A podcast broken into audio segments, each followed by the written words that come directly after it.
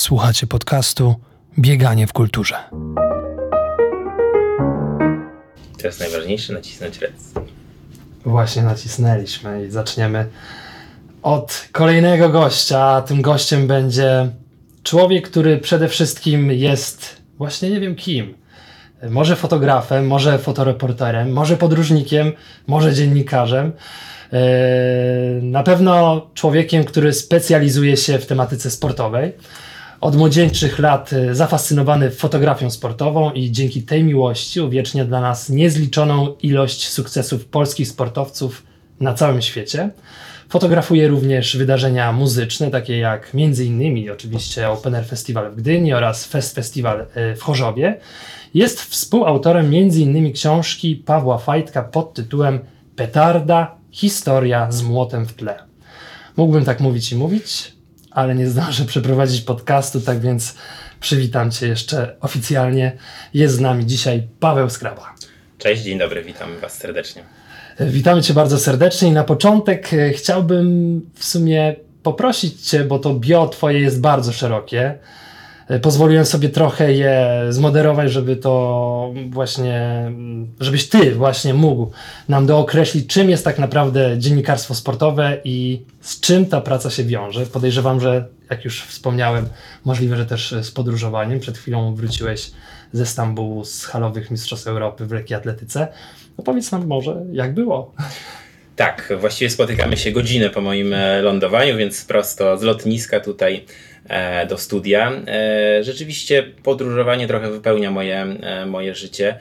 E, moja partnerka Marta kiedyś policzyła, że nie ma mnie, nie było mnie jednego roku 271 dni e, w domu. Brawo No i- partnerki. Uznaliśmy, że, że to już jest taki maks i teraz staram się e, trochę tych dni więcej spędzać, ale czasem się nie da, bo rzeczywiście wydarzenia sportowe na świecie jedno goni drugie. Tych podróży jest bardzo, bardzo sporo. E, Ja lubię ten styl życia, lubię podróżować, lubię spędzać czas w różnych zakątkach i obserwować właśnie, tak jak powiedziałeś, te zmagania i sukcesy naszych sportowców. Głównie lekkoatletów, chociaż, chociaż nie tylko, bo, bo, bo też w ostatnim czasie byłem i na Mistrzostwach Świata w pływaniu i, i przede mną mecze e, kadry naszych piłkarzy. E, gdzieś tam mm, przewija się też dużo łyżwiarstwa szybkiego czy short tracku i wielu, wielu innych dyscyplin tak naprawdę. E, mówiąc wprost, tam, tam gdzie jest praca, tam gdzie chcą mnie zatrudnić, oglądać moje zdjęcia czy czy czasem też e, materiały wideo, e, tam się pojawiam. Bo tak jak powiedziałeś, dzisiaj dziennikarstwo sportowe na pewno różni się od tego, e, które było e, 10 lat temu i pamiętam, że jak e, przyszedłem do, do pierwszej redakcji, No to właśnie, jak było? Jak to się zaczęło, że jesteś tu, gdzie jesteś? Na tych wszystkich imprezach. No, zawsze marzyłem, żeby być lekarzem i, i, i taki był plan e, w życiu, ale mm, pamiętam, że to było w drugiej klasie e, gimnazjum, miałem wtedy 14 lat i kolega zaciągnął mnie na mecz koszykówki. Był to wtedy ekstraklasowy e, klub koszykarski i powiedział mi, słuchaj, jest taki mały portal, on już nie istnieje. Mhm. A to były jeszcze czasy, kiedy e, internet e, ciągnęło się z kabla telefonicznego i był ten taki charakterystyczny e, dźwięk, dokładnie. I ja poszedłem na ten mecz tego klubu koszykarskiego z malutkim aparatem cyfrowym. Tata wytłumaczył, jak go obsługiwać i zrobiłem swoje pierwsze zdjęcia. I byłem zafascynowany tym, że mogę być tak blisko, że mogę obserwować tych koszykarzy z kilku metrów. I tak to się zaczęło. Zaczęła się taka miłość trochę do fotografii, trochę do sportu. No a potem e, w lokalnej gazecie pomorskiej, ponieważ wychowałem się w Grudziądzu, e, rubryka sport szkolny należała do mnie. Tam już nie tylko robiłem zdjęcia, ale też, też pisałem. E, I tak to się właśnie zaczynało. Pierwsze mm, miesiące, pierwsze lata spędziłem typowo poruszając się po kujawsko-pomorskich czwartych, trzecich ligach piłkarskich, koszykarskich, e, czy właśnie jakichś zawodach lekkoatletycznych. Czyli mamy mocną ekipę. Po raz kolejny jakiś e, gość przyjechał do nas e, z rejonów kujawsko-pomorskiego. No i myślę, że to też nie jest dziwne, bo przecież tam dużo imprez się odbywa, między innymi lekkoatletycznych. I też powiedz, bo z tego co wyczytałem, byłeś jednym z najmłodszych, jak nie najmłodszym dziennikarzem, który jeździł na te wszystkie imprezy. Jak to się zaczęło? jaka impreza była twoją pierwszą imprezą, na którą pojechałeś? I jak to w ogóle się stało, że mogłeś się na przykład zaakredytować już na takiej imprezie? Czy musiałeś pracować w jakimś danym e, medium, które e, cię tam wysłało i dzięki temu tam się znalazłeś? Czy po prostu sam musiałeś się starać o taką akredytację? Tak, to od razu powiem, że pierwszą, pierwszą imprezą e, taką dużą, na której się pojawiłem i, i w ogóle związaną z lekkoatletyką były Mistrzostwa Świata Juniorów, które odbywały się w Bydgoszczy w 2008 roku. E, I rzeczywiście te pierwsze moje kroki w lekkiej atletyce, która dzisiaj jest, no nie ma co ukrywać, najważniejszą taką dyscypliną w moim życiu i najbliższą mojemu sercu. E, e, było, była właśnie ta impreza i e, tam pracując właśnie dla wspomnianej Gazety Pomorskiej e, przede wszystkim fotografowałem e, zmagania tych sportowców, ale też przygotowywałem materiały, tam był cały świat. Mhm. Pamiętam, że że mm, robiłem materiały o takich maluteńkich krajach e, typu Antyle Holenderskie, Trinidad, i Tobago, e, o tym jak właśnie Mhm. czują się w tej Bydgoszczy. E, To były też jakieś pierwsze materiały, które pewnie robiłem w języku angielskim, więc to wszystko mnie pochłaniało, to wszystko mi się Tak. podobało. E, I, I potem tych, tych imprez było więcej, a takim momentem, kiedy zdecydowałem, że, że ta moja praca zawodowa pójdzie w tą stronę, były Igrzyska w Londynie. E, Pojechałem na swoje pierwsze igrzyska w Londynie, ale nie byłem tam akredytowany, nie mogłem, e, nie mogłem e, poruszać się po arenach czy oglądać zmagań. Robiłem tak zwane, jak my to mówimy kolokwialnie, boki, czyli pokazywałem atmosferę, e, zabierałem Aha. naszych medalistów na takie sesje z Londynem w tle, czyli na przykład na na tle londyńskiego mostu albo w budce telefonicznej, e, na tle jakichś takich symboli. I tam też zacząłem wtedy współpracować już z gazetami ogólnopolskimi. Zobaczyłem troszkę, jak ten świat wygląda, i wtedy sobie powiedziałem, muszę pojechać na Igrzyska Olimpijskie jako akredytowany fotoreporter. To tak jak wspomniałeś, nie jest łatwe, bo Nie, no wiem właśnie, że nie jest, więc jest ich ograniczona ilość. Tak, tak. Jakby czy to w, na Mistrzostwach Europy, czy świata lekkoatletycznych, czy na Igrzyskach Polska ma zaledwie kilka miejsc. E, Zwykle to jest między 5 a 10 miejsc dla Mhm. fotoreporterów i kilkanaście miejsc dla, dla dziennikarzy. Wiadomo, że tak jak dla sportowca pojechanie na Igrzyska Olimpijskie, czy zdobycie Mhm. medalu na Igrzyskach jest e, celem i największym marzeniem, tak i w naszym zawodzie jest, jest podobnie. I chętnych, żeby pojechać na Igrzyska jest kilkudziesięciu, jeśli nie kilkuset. No jedzie tylko ta mała wybrana e, grupa. Na pewno jakby z jednym wyznaczników jest to, że trzeba pracować dla redakcji. No zwykle są to redakcje oczywiście ogólnopolskie albo najważniejsze agencje prasowe czy fotograficzne w kraju, które mogą aplikować o, o, taką, o taką możliwość. Okej, czyli jakby możesz, no przypuszczam, na pewno potwierdzić, że taki wyjazd to jest zawsze niesamowita przygoda. Tak, ja myślę, że każdy wyjazd jest niesamowitą mm, przygodą e, na tego typu imprezę. Tak jak e, Ci powiedziałem, te pierwszym wyjazdem takim dużym były te Igrzyska Olimpijskie w Tokio, ale potem e, takim, który najbardziej mi zapadł w pamięć, bo, bo Właśnie miałem zadać też pytanie takie właśnie, co naprawdę, co, jaka impreza właśnie jest w tobie i cały czas ją miło wspominasz. Pierwszą taką największą imprezą, na której byłem akredytowanym fotoreporterem, były Mistrzostwa Świata w Moskwie w 2013 roku. Był to niesamowicie egzotyczny dla mnie wyjazd. Po pierwsze, e, pierwszy taki samodzielny. Zamiast lecieć samolotem, wybraliśmy podróż pociągiem e, O, przez, przez naprawdę? Białoruś, Wow. e, która trwała no, kilkanaście godzin, już teraz nie pamiętam Aha. dokładnie, ale wydaje mi się, że w okolicach doby. Mhm. Wszystko było dla mnie nowe. Ho- hotel, poruszanie się po mieście, przemieszczanie się ze sprzętem wartym kilkadziesiąt Mhm. tysięcy złotych, który nie był wtedy jeszcze mój e, i at, atmosfera wielkiego eventu. Pamiętam taki e, pierwszą odprawę dla fotoreporterów, w której uczestniczyłem, która trwała półtorej godziny Mhm. i tam e, znana mi już dzisiaj taka liderka e, f- fotografów, szefowa fotografów na wielkich imprezach tłumaczyła przez półtorej godziny, czego nie wolno. Ja byłem po prostu przerażony. Za każdy błąd, każdy, każdy, każde potknięcie mogło skutkować odebraniem tej akredytacji, Mhm. przecież na którą tak, tak czekałem. E, Czyli taki pe, pe, pe, pełen nadzór jakiś. pełen nadzór, który jakby jest konieczny w naszej Oczywiście. pracy, bo, bo, bo, bo jednak e, lekkoatletyka jest trudną dyscypliną do fotografowania i trzeba uważać na wiele rzeczy. Natomiast Mhm. dla mnie to był totalnie nowy świat, czyli wszyscy fotoreporterzy się znali, to jest stałe grono ludzi z całego świata, którzy się spotykają dwa razy w roku czy, czy trzy razy w roku na największych imprezach typu Mistrzostwa Europy, Świata czy, czy Igrzyska Olimpijskie. E, A dla mnie to była totalna, totalna nowość i w ogóle praca w takim no, sporym reżimie pod presją czasu i też jednocześnie chcąc dostarczyć jak najlepsze zdjęcia i materiały a, do swojej redakcji. Wtedy też jeszcze nie znałem tych lekkoatletów tak jak znam ich e, dzisiaj, a, więc wszystko było dla mnie nowe, stresujące i dlatego pewnie tak bardzo to zapamiętałem. Wtedy też Paweł Fajdek zdobywał swój pierwszy tytuł Mistrza Świata. I potem napisałeś z nim książkę. Tak, i potem, i potem e, parę ładnych lat później na uniwersjadzie w Tajpej, w stolicy Tajwanu, e, padł pomysł ze strony Pawła Fajtka. Pamiętam, że było to w okolicach 4-5 nad ranem, że to trzeba spisać. I rzeczywiście tak się stało. E, Ta książka nazywa się Petarda, historia e, z młotem w tle. E, Napisałeś też, e, współtworzyłeś oczywiście, e, bo współtworzyłeś tę książkę z Pawłem Hochsztimem Mhm. i Otylia, moja historia. E, I powiedz mi, co e, jakby, co tam, e, że tak powiem, e, trzeba wykonać, żeby w ogóle taka książka powstała? Czy wy robicie jakiś wywiad z tymi zawodnikami, z, z tymi no, wielkimi sportowcami polskimi, czyli Otylią Jędrzejczak i Pawłem Fajtkiem? Czy to jest tak, że wy ich już na tyle znacie, że też łatwiej wam się pisze takie książki i też zbiera materiały? Jak to wyglądało?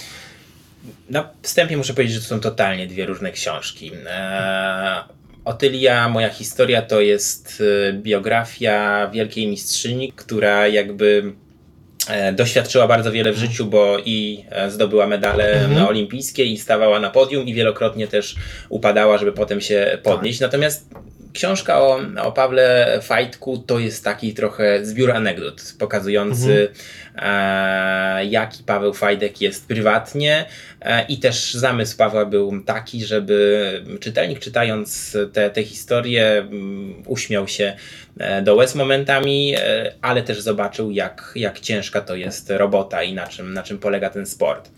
Em, ja już oczywiście Pawła znałem. Mój e, kolega, współautor Paweł Hochstim e, zdecydowanie mniej. E, I pisząc tę książkę zdecydowaliśmy, że spędzimy Pawłę, z Pawłem 10 dni na zgrupowaniu w Portugalii Mhm. i Paweł nam to swoje całe życie opowie. Drugim etapem były spotkania z jego kolegami, trenerami, rodziną, bliskimi. Natomiast te 10 dni Portugalii na pewno zapadnie mi w pamięć. E, Myślę, że gorzej je wspomina trener Jola Kumor, bo przez te 10 dni myślę, że Paweł maksymalnie zrobił dwa treningi, bo całe dnie właściwie, a właściwie całe noce, Aha. e, muszę tutaj to zdradzić, siedzieliśmy i, e, i, i rozmawialiśmy. No i Paweł im że tak powiem, ciemniejsza noc, im, im było później, tym lepszymi anegdotami Rzucał. e, ży, rzucał to wszystko. To wszystko trzeba było potem spisać, e, oczywiście e, dokonać jakichś zmian, korekty i no, proces tworzenia książki nie myślałem, że jest to tak, tak, Mhm. tak trudne. E, Myślę, że było to ładnych parę miesięcy. Czyli to jest długi proces. Zde- zdecydowanie, zdecydowanie tak. E, Parę miesięcy ciężkiej roboty, nie tylko naszej, ale też potem jeszcze e, redaktorki książki, a na końcu korekty. E, Ale bawiliśmy się przy tym świetnie. Naprawdę to był dobry, dobry czas. Wiele historii, nie przeszło cenzury, Mhm. bo jednak stwierdziliśmy, że, że należy je zostawić na po karierze. No E, pewnie, zostaw. Jeszcze myślę, że Paweł Fajdek y, trochę porzuca. No. Tak, tak, tak. Jest tak. też taka konkurencja, że można trochę dłużej ją pouprawiać niż na przykład bieganie. Dokładnie tak. No z Otylią było, było nieco inaczej, bo tu już z góry wiedzieliśmy, jak ta książka ma, ma wyglądać. Otylia też miała na nią pomysł i, mm, i myślę, że e, wiele lat myślała o tym, e, jak chce, żeby ta książka wyglądała. Też było wiele momentów trudnych, wzruszających Mhm. e, związanych choćby z wypadkiem, czy, Tak. czy, e, czy z nie udanymi zawodami. Otylia, zresztą jak wszyscy wielcy sportowcy, jest niesamowicie ambitna, więc też mieliśmy bardzo wysoko postawioną poprzeczkę, bo wiedzieliśmy, że, że trzeba spełnić te jej, te jej oczekiwania. E, Także tu też były godziny, e, setki godzin rozmów, nagrań i potem z tego materiału trzeba było wyselekcjonować to, co już ukazało się ostatecznie. Tak więc y, polecam serdecznie te dwie książki, o których właśnie mówiliśmy. Też może jakiś ze słynnych, wspaniałych sportowców zgłosi się tutaj do Pawła i drugiego Pawła, żeby może pomogli w tworzeniu takiej, takiej książki, bo myślę, że jeszcze jest wielu zawodników, którym, którzy nie wydali jeszcze takich książek, a fajnie by było o nich y, usłyszeć jeszcze więcej niż tylko to, co widzimy y, w telewizji, czy też y, na y, arenach y, sportowych. Ale wróćmy jeszcze do fotografii, bo w sumie to jest specyficzna fotografia, fotografowanie. W sensie chciałem y, tutaj zaznaczyć, że nie wiem, co mam zaznaczyć, z uwagi na to, że mm, kompletnie nie wiem y, do końca na czym ona polega. Robi, robisz różne zdjęcia, robisz zdjęcia z bliska, robisz zdjęcia z daleka. Y, Zastanawiam się, czy ta intuicja na przykład jest y, ważna na przykład, jeżeli chodzi o fotografa, bo ty moim zdaniem robisz bardzo, ale to bardzo nie tylko wspaniałe zdjęcia, które potem wysyłasz do mediów w Polsce, ale też wspaniałe zdjęcia, które są tak naprawdę zdjęciami, no powiedziałbym, artystycznymi i mógłbym Cię nazwać nie tylko fotografem, ale też y, trochę fotografikiem. Dziękuję. Rzeczywiście fotografia sportowa nie jest, e, nie jest łatwą sztuką.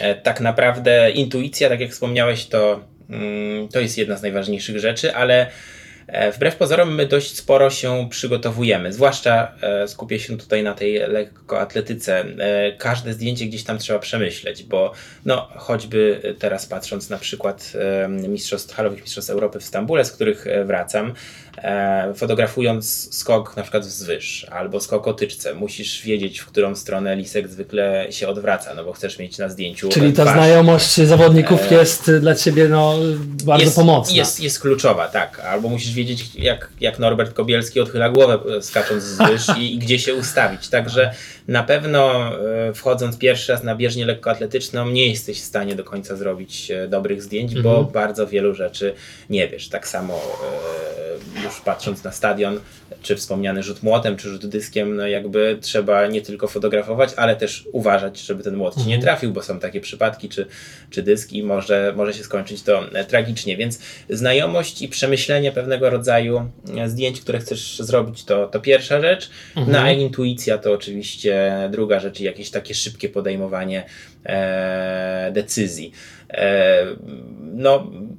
Czasem jest też tak, że po prostu krzyczymy do tych zawodników zaraz po Mhm. sukcesie, którzy są w amoku i gdzieś tam się cieszą, e, żeby na nas spojrzeli, żeby przyszli, żeby zapozowali z flagą. Czasem się to nie udaje. Tak było tutaj e, w Stambule z Mhm. Kubą Szymańskim, który był tak oszołomiony tym swoim sukcesem i srebrnym medalem e, w biegu na 60 metrów przez płotki, że w ogóle mówił, potem rozmawiałem z nim Mhm. parę godzin później i mówi, ja was w ogóle nie słyszałem.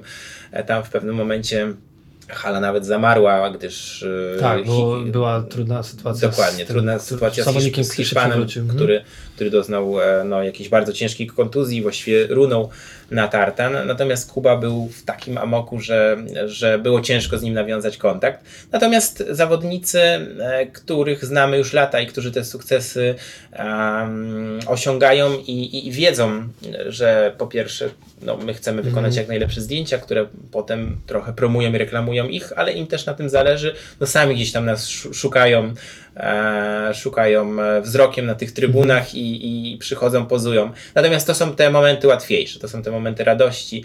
Dużo trudniej zrobić dobre zdjęcie, gdzieś tam dynamiczne w ruchu. E, tak jak powiedziałeś, intuicja gdzieś tam i, i, i znajomość danego sportu na pewno bardzo się przydaje. Wydaje mi się, że też dużo życia jest w tych zdjęciach, że to są tak naturalne już sytuacje, e, które, które po prostu dają niesamowity wydźwięk i niesamowicie opisują też e, na przykład szczęście, smutek i, i inne rzeczy. Więc... Tak, no emocji na pewno w tych zdjęciach jest, jest, jest mnóstwo. I my czasem, a nawet powiem często, tym emocjom też, też e, ulegamy, bo jak Adrianna Sułek po, po tym, po zdobyciu wicemistrzostwa Europy właściwie zalała się łzami. No to- bo miała przez 6 sekund rekord świata. Dokładnie. To, to tak y, patrzyliśmy po sobie, po, po, po, było nas tam powiedzmy piątka fotoreporterów, też od razu posmutnieliśmy, nie wiedzieliśmy trochę z czego to wynika i tak Mhm. dalej, ale te emocje się na pewno nam, nam udziela, e, udzielają. Ada płakała właściwie cały czas i 99% zdjęć mamy zamiast radosnej wicemistrzyni Mhm. Europy mamy zapłakaną Adę Sułek.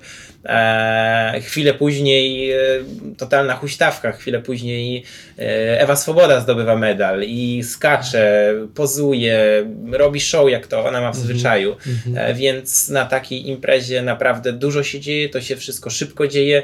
My tam nie czujemy zmęczenia, e, nie czujemy głodu, po prostu to jest takie flow i tak samo jak ci zawodnicy to przeżywają, tak i my to przeżywamy. Macie taką, od, odczuwacie podobnie, adrenalina cały czas Tak, tak, adrenalina jest na pewno. zenitu.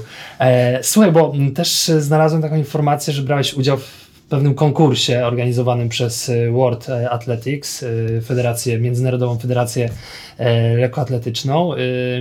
To polegało na tym, że różni fotografowie z całego świata wysyłało bodajże 370 fotografii, mogliście wybrać po jednej fotografii i potem ukazało się 27 najlepszych i między innymi jedna z twoich y, to jest y, chyba zdjęcie aniołków Matusińskiego. Tak, tak. Bodajże jest to 2019 rok i konkurs się nazywał Photo of the Year i wszyscy akredytowani fotografowie Mhm. na imprezach e, rangi właśnie e, imprezach organizowanych przez World Athletics mogli wybrać jedno, jedno zdjęcie. Ja rzeczywiście postawiłem na na srebrną sztafetę e, z Mistrzostw Świata e, w Katarze i reakcje, no tak jak Niesamowite Ro, reakcje. rozmawialiśmy o tych emocjach. To był właśnie moment, w którym dziewczyny dowiedziały się, że pobiły bodajże rekord polski. E, to by trzeba było sprawdzić, bo nie jestem tutaj pewny, ale tak mi się Za wydaje. dużo imprez, żeby Tak, wszystko tak. pamiętać. Na, na pewno był to wynik, który przerósł ich, ich, ich najśmielsze oczekiwania i pamiętam, że, że Patrycja Wyciszkiewicz czy, czy Justyna Mhm. Święty tam po prostu są rozemocjonowane i, i, i aż tryskają energią i Tak. radością. I to, to, to było dosłownie e, kilka sekund czy tam sekunda po tym, jak się, jak się dowiedziałem, więc to jest ta pierwsza, pierwsza reakcja. Pamiętam, że to był właściwie taki ciąg zdjęć. Myślę, że to mogło być około 10 zdjęć, z czego 9 było kompletnie nie do użytku, dlatego że e, my pracując na takiej imprezie, Mhm. e, pracujemy za bandami stadionu.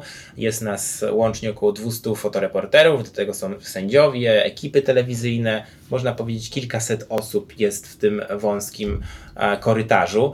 E, I e, liczba nieudanych zdjęć jest spora, bo tu e, wejdzie przed obiektyw zawodnik, sędzia, tu kamera Tu i cię tak wygonią, idź I- pan, idź pan. I nie? tak właśnie było dokładnie tak samo było z tym zdjęciem. E, I ja gdzieś tam dopiero przeglądając, robiąc drugą selekcję, zauważyłem, że z tych 10 zdjęć to jedno jest udane. I to było Aha. właśnie to, i to jest to, to zdjęcie. Fenomenalne zdjęcie. Ja w ogóle zapraszam, jeżeli Państwo e, e, są zainteresowani, na wejście na Twojego Instagrama, bo tam naprawdę jest niesamowite, wielkie spektrum e, różnych zdjęć. I nie to, tylko lekkoatletyczne. nie tylko właśnie lekkoatletycznych, bo też e, robisz zdjęcia i e, widziałem, że Idze Świątek między innymi, ale też widziałem z zawodów pływackich czy łyżwiarskich, tak więc Tak, sporty zimowe też się zdarzają i, i na skoki czasem pojadę, czy na biatlon, także rzeczywiście to spektrum wydarzeń sportowych jest, jest, jest duże. Właśnie teraz mam taki no, mocny okres, gdzie, gdzie gdzieś tam właściwie cały czas jestem w rozjazdach. Wróciłem w styczniu e, z zimowej uniwersjady w Lake Placid w USA. Mhm. Była chwila odpoczynku w Polsce, odpoczynku mówię kolokwialnie, bo to był sezon halowy, więc e, Orlen Copernicus Cup, e, Orlen Cup w Łodzi, halowe mistrzostwa Europy właśnie i Mhm. no i teraz kolejne wyjazdy się szykują. Kolejne wyjazdy się szykują, a przy tych wyjazdach jeszcze chciałem na chwilę podsumować tą fotografię, bo e, cały czas mnie też właśnie fascynuje to, że, że ty trochę tych zawodników znasz, jakby trochę też jesteś w sumie ich rówieśnikiem, nie? Jakby, że jak ważne jest doświadczenie, jak ważne jest y, przebywanie na takich imprezach, jak, jak ważne jest to, że y, właśnie nie przyjedziesz na pierwsze zawody i zrobisz może przez przypadek zrobić czasami super zdjęcie, ale jak ważne jest to, y, y, że- y, znasz po prostu y, dane środowisko, czy to lekkoatletyczne, czy to też łyżwiarskie, pływackie i inne, nie? Myślę, że, że to jest dla mnie bardzo ważne. W sensie mm, to jest jedna ze składowych tego, że, że bardzo lubię tę robotę. Naprawdę bardzo lubię przeżywać sukcesy ludzi, których po prostu na co dzień znam, z którymi po zawodach można pójść na kawę czy na piwo. Eee, na zakończenie sezonu, rzecz jasna. Eee, i, i, I to jest, to jest super, że te relacje między nami się e, nawiązują. E, wynika to pewnie też z tego, że na takie imprezy e, rangi Mistrzostw Świata czy Mistrzostw Europy jeździ naprawdę wąskie grono ludzi. Czyli jesteście taką wspólnotą trochę, nie? Trochę tak. Ja też mam to szczęście, że wielokrotnie pracuję przy reprezentacji, czyli jestem albo fotoreporterem reprezentacji, albo pełnię funkcję press attaché, tak się dzieje na, na uniwersjadach. Mhm. Między innymi, na które, pomimo tego, że uniwersjady na pierwszy rzut oka nie są znanymi e, imprezami, ale tak naprawdę jeżdżą na nie zarówno na zimowe, jak i na letnie e, wszystkie największe nazwiska, bo na letniej uniwersjadzie mieliśmy i Aniołki Matusińskiego, i Fajdek jest czterokrotnym mistrzem e, uniwersjady. Nieraz i... Paweł Wojciechowski jeździł też i wielu innych, Dokładnie. nie? I tak samo jest w innych dyscyplinach, więc e, spędzając z tymi ludźmi sporo czasu na, na różnych imprezach, no siłą rzeczy zawiązują się e, te relacje e, i mm, głównie rozmawiamy tu o fotografii, ale też prawda jest też taka, że, że obecne dziennikarstwo trochę wygląda tak, że mm, oczywiście można się specjalizować w jednej dziedzinie, ale, ale tak naprawdę wydaje mi, się, że takim moim atutem też jest to, że oprócz tego, że robię zdjęcia, jak trzeba, nie wiem, zrobić jakiś materiał e, w formie wywiadu, czy to dla telewizji, czy dla portalu internetowego, Mhm. to też jestem e, w stanie to zrobić. Też to lubię i też to, też to robię. Teraz właśnie w Stambule, oprócz tego, że oczywiście poranne i popołudniowe sesje e, fotografowałem, to w czasie między sesjami razem z moim kolegą e, Michałem Kozłowskim realizowaliśmy sporo materiałów wideo, gdzieś tam pokazujących kulisy życia tej kadry. No właśnie, bo Czyli- też tworzycie dla różnych telewizji e, materiały właśnie, które są e, dokumentami, czy to jest jakby jakiś taki reportaż e, z zakulis? E, No, My, myślę, że do, dokument czy reportaż to tu może aż za duże słowo. Czasem Aha. są to po prostu e, zmontowane materiały krótkie, social mediowe, pokazujące kulisy życia, e, czy to lekkoatletów, czy pływaków, czy po Mhm. prostu kulisy życia sportowców na dużej imprezie. Czasem są to nieco bardziej skomplikowane produkcje, które, które gdzieś tam ukazują się, czy, czy, czy w telewizjach, czy w różnego rodzaju portalach Mhm. internetowych. Generalnie na dużych imprezach e, sportowych e, często pracujemy przy reprezentacji, tworząc. E, Tworząc biura prasowe, bo e, tak naprawdę od 5 czy 6 lat razem z Pawłem Hochstimem tworzymy Mhm. firmę Honest Media, a, No która właśnie, i tworzycie biura prasowe dla danych e, związków z polecenia, nie, w sensie na zlecenie związków sportowych. Tak, znaczy zajmujemy się albo tworzeniem biur prasowych związków sportowych, albo promujemy em, duże imprezy e, sportowe, jak właśnie, nie wiem, czy jak drużynowe mistrzostwa e, Europy w lekkiej atletyce w Bydgoszczy, czy, czy współpracujemy z Polskim Związkiem Pływackim, Kajakowym, Mhm. łyżwiarstwa szybkiego, trochę działamy też z Pezla. Jakby zajmujemy się, w związku z tym, że tak jak już Ci wspomniałem, bardzo ograniczona liczba dziennikarzy jeździ na te duże e, imprezy. Em, to, y, a jakby media są oczywiście Mhm. zainteresowane tym materiał, ma, tymi materiałami, e, dostarczamy e, redakcjom to, czego potrzebują, czyli radiom Mhm. dostarczamy dźwięki, e, telewizjom setki telewizyjne, teksty i zdjęcia, jakby to wszystko e, ma służyć promocji dyscypliny. Czyli jesteście bardzo uniwersalni pod każdym względem. Takie są chyba trochę teraz czasy. Czyli jeszcze trochę filmowiec, tak? Filmowiec to za duże słowo, ale, wiem, wiem, no ale... ale- tak, pro, prosty materiał wideo e, jestem w stanie zrobić. Takie mamy trochę teraz czasy, że, że trzeba być uniwersalnym, Mhm. bo nie ma co ukrywać, że dziennikarstwo się zmieniło. E, dziennikarze już nie jeżdżą na imprezy międzynarodowe tak bardzo. Wynika to z wielu względów, choćby Mhm. ze względów ekonomicznych i z tego, że redakcje coraz bardziej liczą e, pieniądze. I tak na przykład na grudniowych Mistrzostwach Świata w Melbourne, e, które fotografowałem, ale też tworzyłem. Które mistrzostwa to były w jakiej... e, E, W pływaniu. To były pływaniu? Mhm. e, pływanie na krótkim basenie Mistrzostwa Świata. W grudniu przed samymi świętami e, byliśmy w Melbourne i byliśmy tam jedynymi polskimi dziennikarzami. A sukcesów tam nie brakowało, więc No właśnie ostatnio, właśnie w sumie też e, przy Otyli tutaj rozmawiając, e, e, to pływanie nagle, też ostatnio rozmawiałem z, z innym moim gościem, e, Krzysztofem e, e, Domarackim, że jakby i czy to piłka ręczna właśnie, czy to właśnie pływanie, jakby ostatnimi czasy jakby mm, mimo, że są sukcesy, może mniejsze lub większe, e, to, to ta promocja po prostu trochę szwankuje w tych, e, w tych dyscyplinach. Może, może, może, może wiesz dlaczego? no, współ- od kiedy Otria Jędrzejczyk została prezesem Polskiego Związku Pływackiego, zaczęliśmy gdzieś tam e, działać, żeby to zmienić Mhm. i mam nadzieję, że te, te efekty e, widać i będzie, będzie widać. I tak jak gdzieś tam powiedziałem Ci przed chwilą, e, no, gdyby, gdyby nie było biura prasowego, to żadnego polskiego dziennikarza nie, byłaby, nie byłoby na tych Mistrzostwach Mhm. Świata w Melbourne co sprawiłoby, że te relacje polskich mediów byłyby bardzo okrojone. Dzięki temu, że tam byliśmy, codziennie dostarczaliśmy prawie 450 redakcjom w Polsce. Dwóch dziennikarzy. E, tak. tak?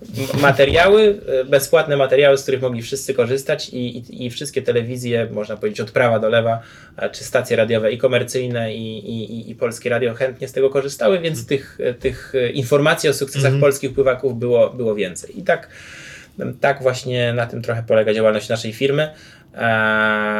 Głównie zajmujemy się tymi niszowymi, mniej popularnymi sportami. No, oprócz lekkiej atletyki, bo jak wiemy, lekkoatletyka w ostatnich latach no, mocno wystrzeliła do przodu. Mocno wystrzeliła, z medalami zawsze nie ma problemu, zawsze jak jakaś dyscyplina nie zdobędzie tych medali, to wiemy, że lekkoatleci Tak dadzą jest. radę. Tak, e, wrócił jeszcze do znowu fotografii, ale innej fotografii, bo nie tylko fotografujesz sport, ale fotografujesz także na przykład wydarzenia muzyczne. E, Jeździsz na różne imprezy, różne festiwale, e, między innymi Open Air Festival czy Fest Festival. Czym się różni na przykład dla Ciebie e, fotografia sportowa od takiej stricte nie wiem, kulturalno-muzycznej?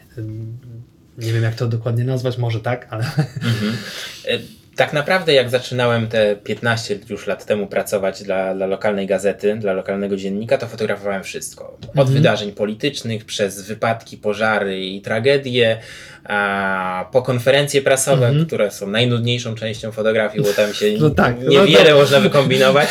Po wydarzenia kulturalne, o których wspomniałeś. Na pewno jest to inny rodzaj e, emocji, które Mhm. się przeżywa, bo o ile w sporcie dużo biegamy, przemieszczamy się, ciągle coś się dzieje i tak naprawdę trzeba szybko podejmować decyzje, Mhm. czy na stadionie lekkoatletycznym biegnę z, na ostatnią próbę liska, czy może za chwilę Mhm. e, 400 metrówki będą startowały i muszę, muszę zrobić. ym, Muszę zrobić zdjęcie z finiszu. Tak w fotografii takiej, nazwijmy to koncertowej czy kulturalnej, e, wszystko dzieje się jednak spokojnie, powoli statyczniej. To nie zmienia faktu, że nie ma tam emocji, bo jak y, jestem na openerze, a ba- bardzo lubię fotografować duże festiwale muzyczne i ten opener e, myślę, że, że z 10 edycji sfotografowałem, e, to ja się tam dobrze bawię i dobrze czuję i dobrze To jest odnajduję. Uczta dla ucha, nie? Tak, dokładnie. Dokładnie. Natomiast e, tego typu fotografia wiąże się też z pewnymi obostrzeniami, no bo e, często na koncertach wielkich gwiazd możemy sfotografować, e, nie wiem, tylko trzy pierwsze utwory Mhm. albo 90 sekund. A w teatrze podczas spektaklu zdjęć nie robimy, bo mogłoby to przeszkadzać widzom, podobnie, nie wiem, filharmonii i Nie, tak no, dalej. na próbach generalnych. Na próbach generalnych, dokładnie. Więc jest to na pewno inny rodzaj fotografii i dla mnie to jest taka trochę odskocznia i, i, i często lu, lubię te momenty, bo mm, oczywiście kocham sport i, i teoretycznie nigdy nie jest go za dużo, ale jak mogę Mhm. pojechać e, na Open Air Fest Festival, czy po prostu mam zlecenie na jakiś koncert, to, to fajnie, fajnie, że jest to coś takiego innego. Mm, A miałeś jakiś taki koncert, że ci buty spadły, że po prostu e, nie byłeś w stanie robić zdjęć, bo po prostu tak dobrze grali, że nie byłeś w stanie się skupić? Myślę, że, że, że wiele było takich e, koncertów, które gdzieś tam mam w głowie, ale, ale jak pytasz, co mi tak najbardziej zapadło w pamięć, to pamiętam jeden Open Air Festival, na którym strasznie lało i lało non-stop. E, Tak, to było I- parę lat temu, nie? Z 3-4 lata temu. Tak, tak, Aha. jakoś tak. I pamiętam, że nie byłem kompletnie na to przygotowany. Pojechałem do Gdyni zakupić kalosze, one były totalnie wyprzedane, więc wziąłem jakieś damskie, e, ostatnie znalezione i po prostu wszystkie te moje aparaty e, za, za grube tysiące, które były jeszcze w kredycie, po prostu wszystko było zalane wodą, ale niestrudzenie pracowałem, zdjęcia powstawały, może i nawet fajniejsze, bo ten klimat mili- Tak. miliona e, parasolek czy, czy Błota. błota dobrze do tego wszystkiego pasował, więc pamiętam, że e, warunki atmosferyczne na festiwalu się bardzo szybko zmieniają i, i może być różnie i przez to, przez to wesoło. Mm, No to kurczę, powiem ci, że ktoś mógłby zrobić dobry biznes, gdyby wiedział, że tak będzie lało i postawiłby tam pod, Zdecydowanie. pod wejściem po prostu parę straganów z kaloszami i, i byłby milionerem. Pamiętam też właśnie zdjęcia i, i, i relacje po prostu z, z tego festiwalu i faktycznie no. Ja byłem na bardziej słonecznym festiwalu i bardziej mi się ten open air właśnie z tym słońcem kojarzy, który też jest super, bo y, zaczyna się, y, no powiedzmy tam około 16, Tak, potem jest i trwa ten, do późnej nocy. To, i to, potem jest wschód słońca. Dokładnie. Nie? To, to, to też jakby często narzekam na, na eventach sportowych, że, że gdzieś tam długo trwają, że jestem zmęczony, że się zaczyna na przykład sesją poranną, potem jest przerwa i sesja wieczorna. Festiwale trwają właściwie cały dzień, ale tam jakoś ta energia się inaczej rozkłada, też się cały czas coś dzieje. No lubię, lubię bardzo ten, ten, ten klimat i jak tylko mam możliwość, to, to staram się w tym swoim grafiku e, za, zaplanować e, taką pracę. Dobrze, a mam jeszcze takie pytanie. Myślę, że one też może bardzo też ciekawić słuchaczy.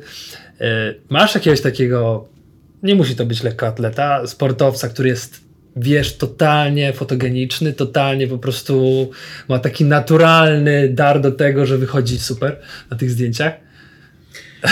E, wiesz co, pierwsze co mi przyszło, przyszło teraz do głowy, e, to akurat wspomnienie teraz ze Stambułu, Aha. bo właściwie zawsze zdarza się tak, że mm, Ewa Swoboda po przekroczeniu e, linii mety szuka Aleksandry Szmigiel albo Pawła Skraby i mówi słuchajcie, pozuję, tu teraz, tu się wypinam, tak, tu.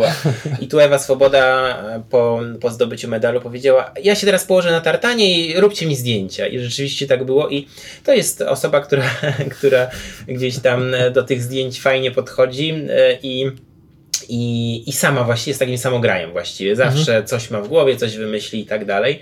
Ale jakbym szukał dalej w głowie, to, to takich, e, takich sportowców będzie oczywiście więcej. Nie wiem, Justyna Święty, Mhm. Ercetik też, e, też zawsze gdzieś tam szuka tych obiektywów, uśmiecha się do nas, robi serduszki, serduszka, wysyła buziaki, e, więc też mam naprawdę pewnie kilkaset różnych ujęć e, uśmiechniętej Justyny, e, która się cieszy. E, Także no to takie dwie osoby, które mi na, Mhm. przychodzą, przychodzą do głowy. No, Sportowcy są różni. Wojtek Nowicki jest wielkim sportowcem, e, mistrzem olimpijskim, e, ale wykrzesać nie, od niego uśmiech bardzo ciężko jest. Czy zrobić zdjęcie Wojtka w wielkich emocjach? Zaledwie parę razy mi się to udało i nie są to pozowane zdjęcia, więc z takich zdjęć się też bardzo cieszę, bo, Mhm. bo one potem właśnie najchętniej są publikowane przez media. E, natomiast no, no jest to totalnie inny typ człowieka niż, niż Nie, wspomniane ale dziewczyny. ja, ja właśnie myślę, że e, Wojciech Nowicki to jest e, typ e, najskromniejszego mistrza olimpijskiego tak, na, na oj, świecie. tak, oj, tak. więc, e, więc e, no tak, oczywiście, no to też często zależy od e, człowieka, nie?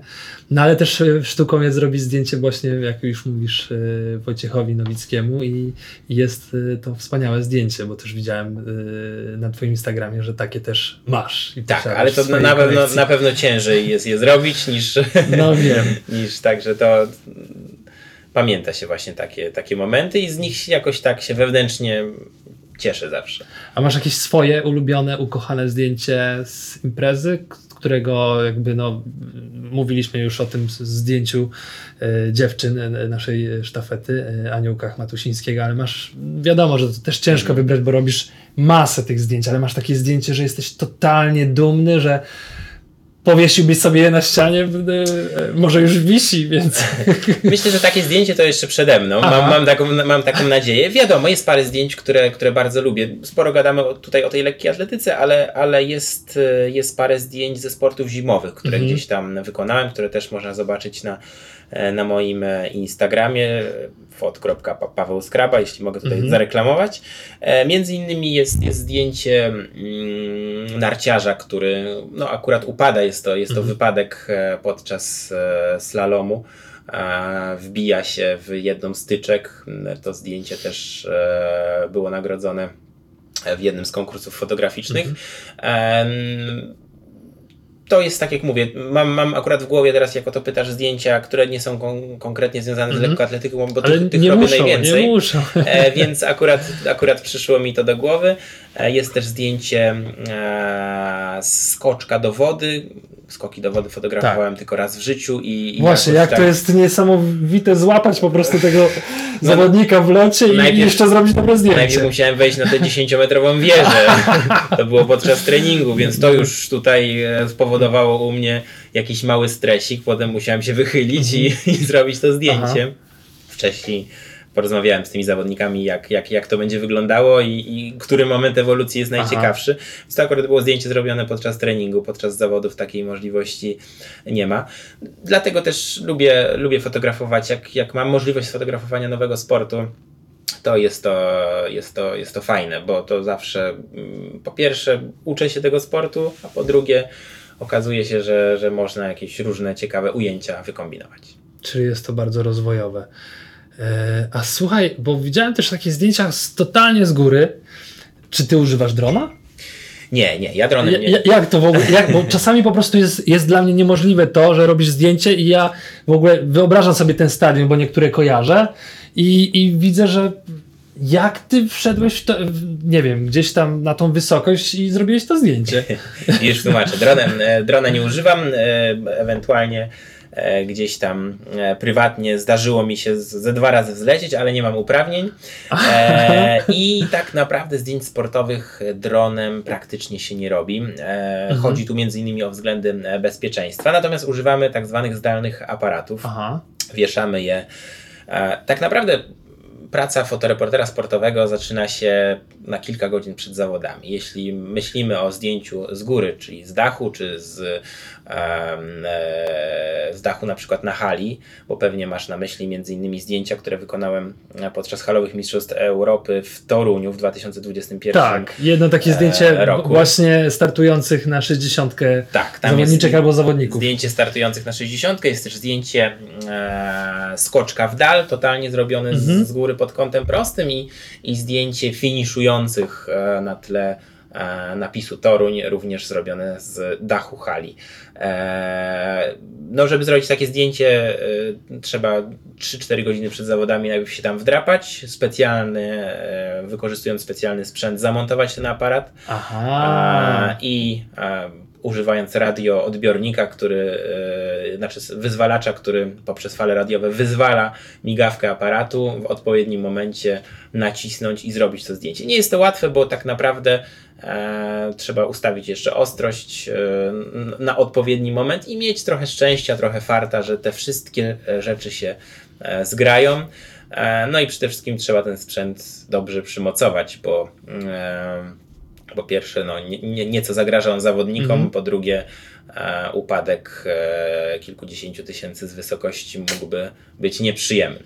E, także te zdjęcia akurat, które są e, na, na moim profilu, zrobione z góry, pamiętam, że aparat montowałem około godziny 5.30 rano.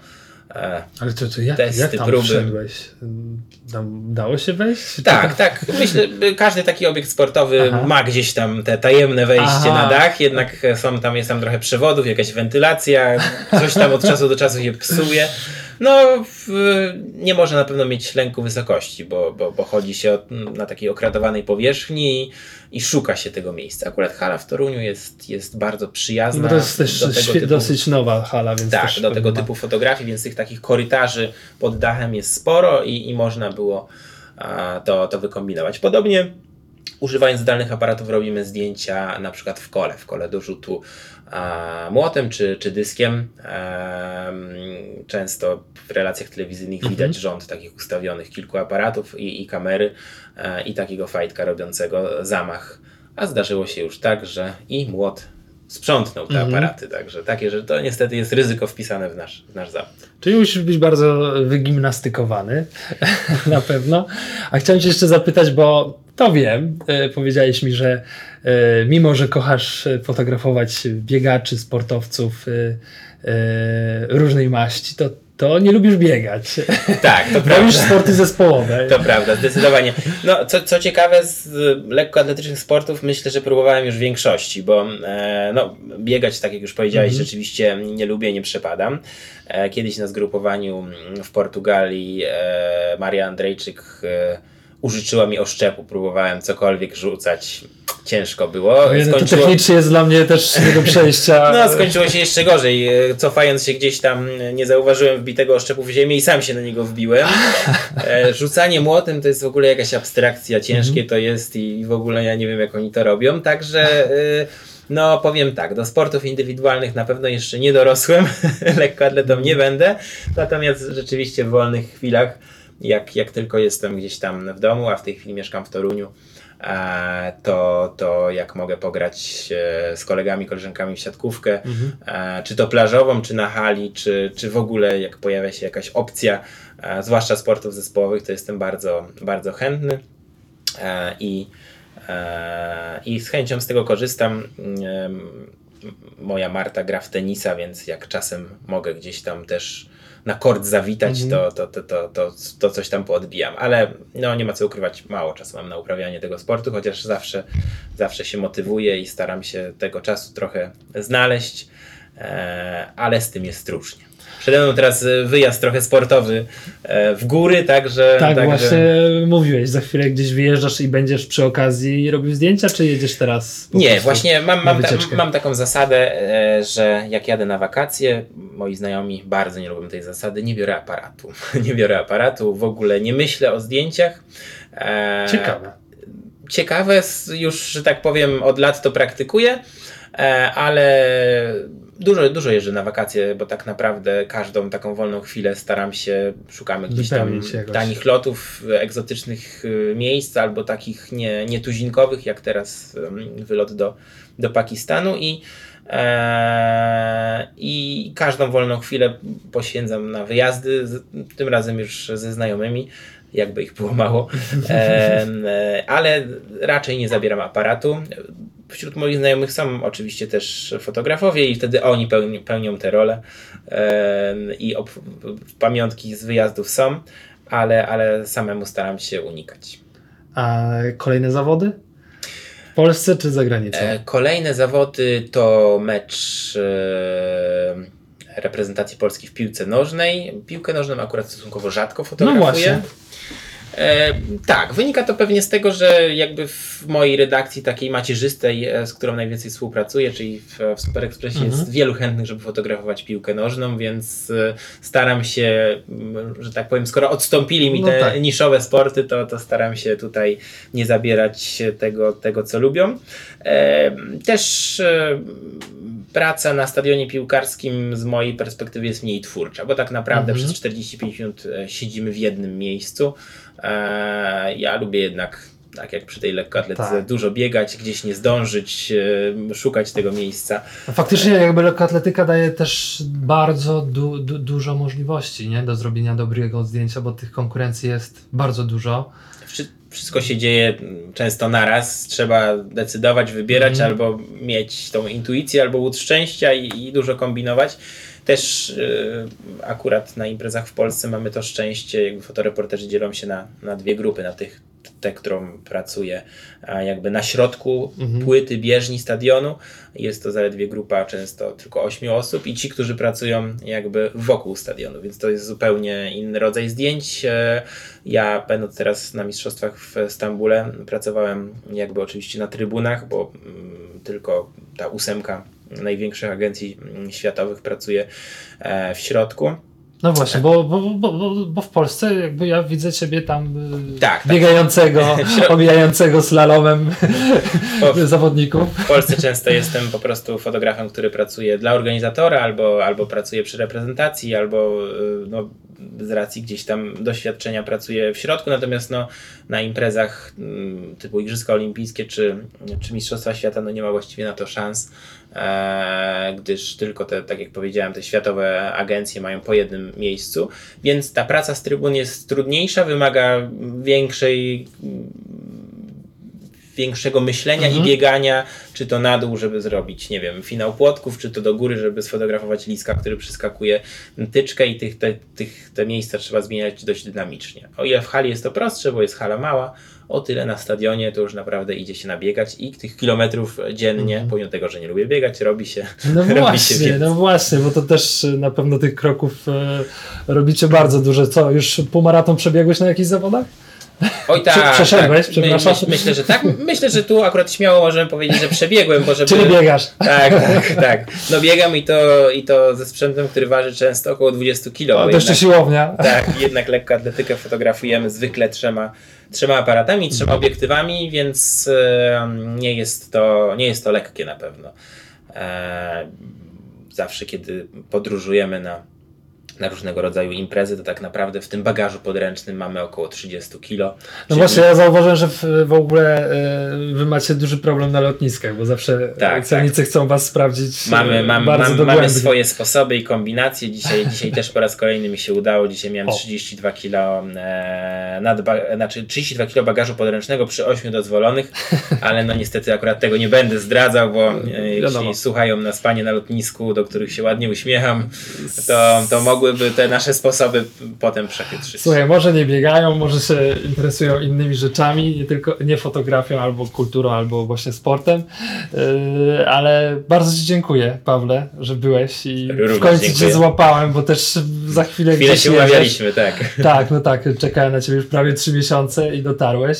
Jesteś ciągle w drodze. Yy, Tak więc yy, cieszę się, że się udało. Yy, Bardzo Ci dziękuję, że opowiedziałeś nam o wielu rzeczach, o których kompletnie bym się nie spodziewał. Yy, W sensie takim, że nie wiedziałem, że z tym i tym też łączy się yy, fotografia i to sportowa i to nie tylko. Więc bardzo, bardzo Ci dziękuję, yy, Pawle, i do usłyszenia. Słuchaliście Państwo biegania w kulturze. Dziękuję bardzo, było mi bardzo miło. Do zobaczenia, do usłyszenia. Hej!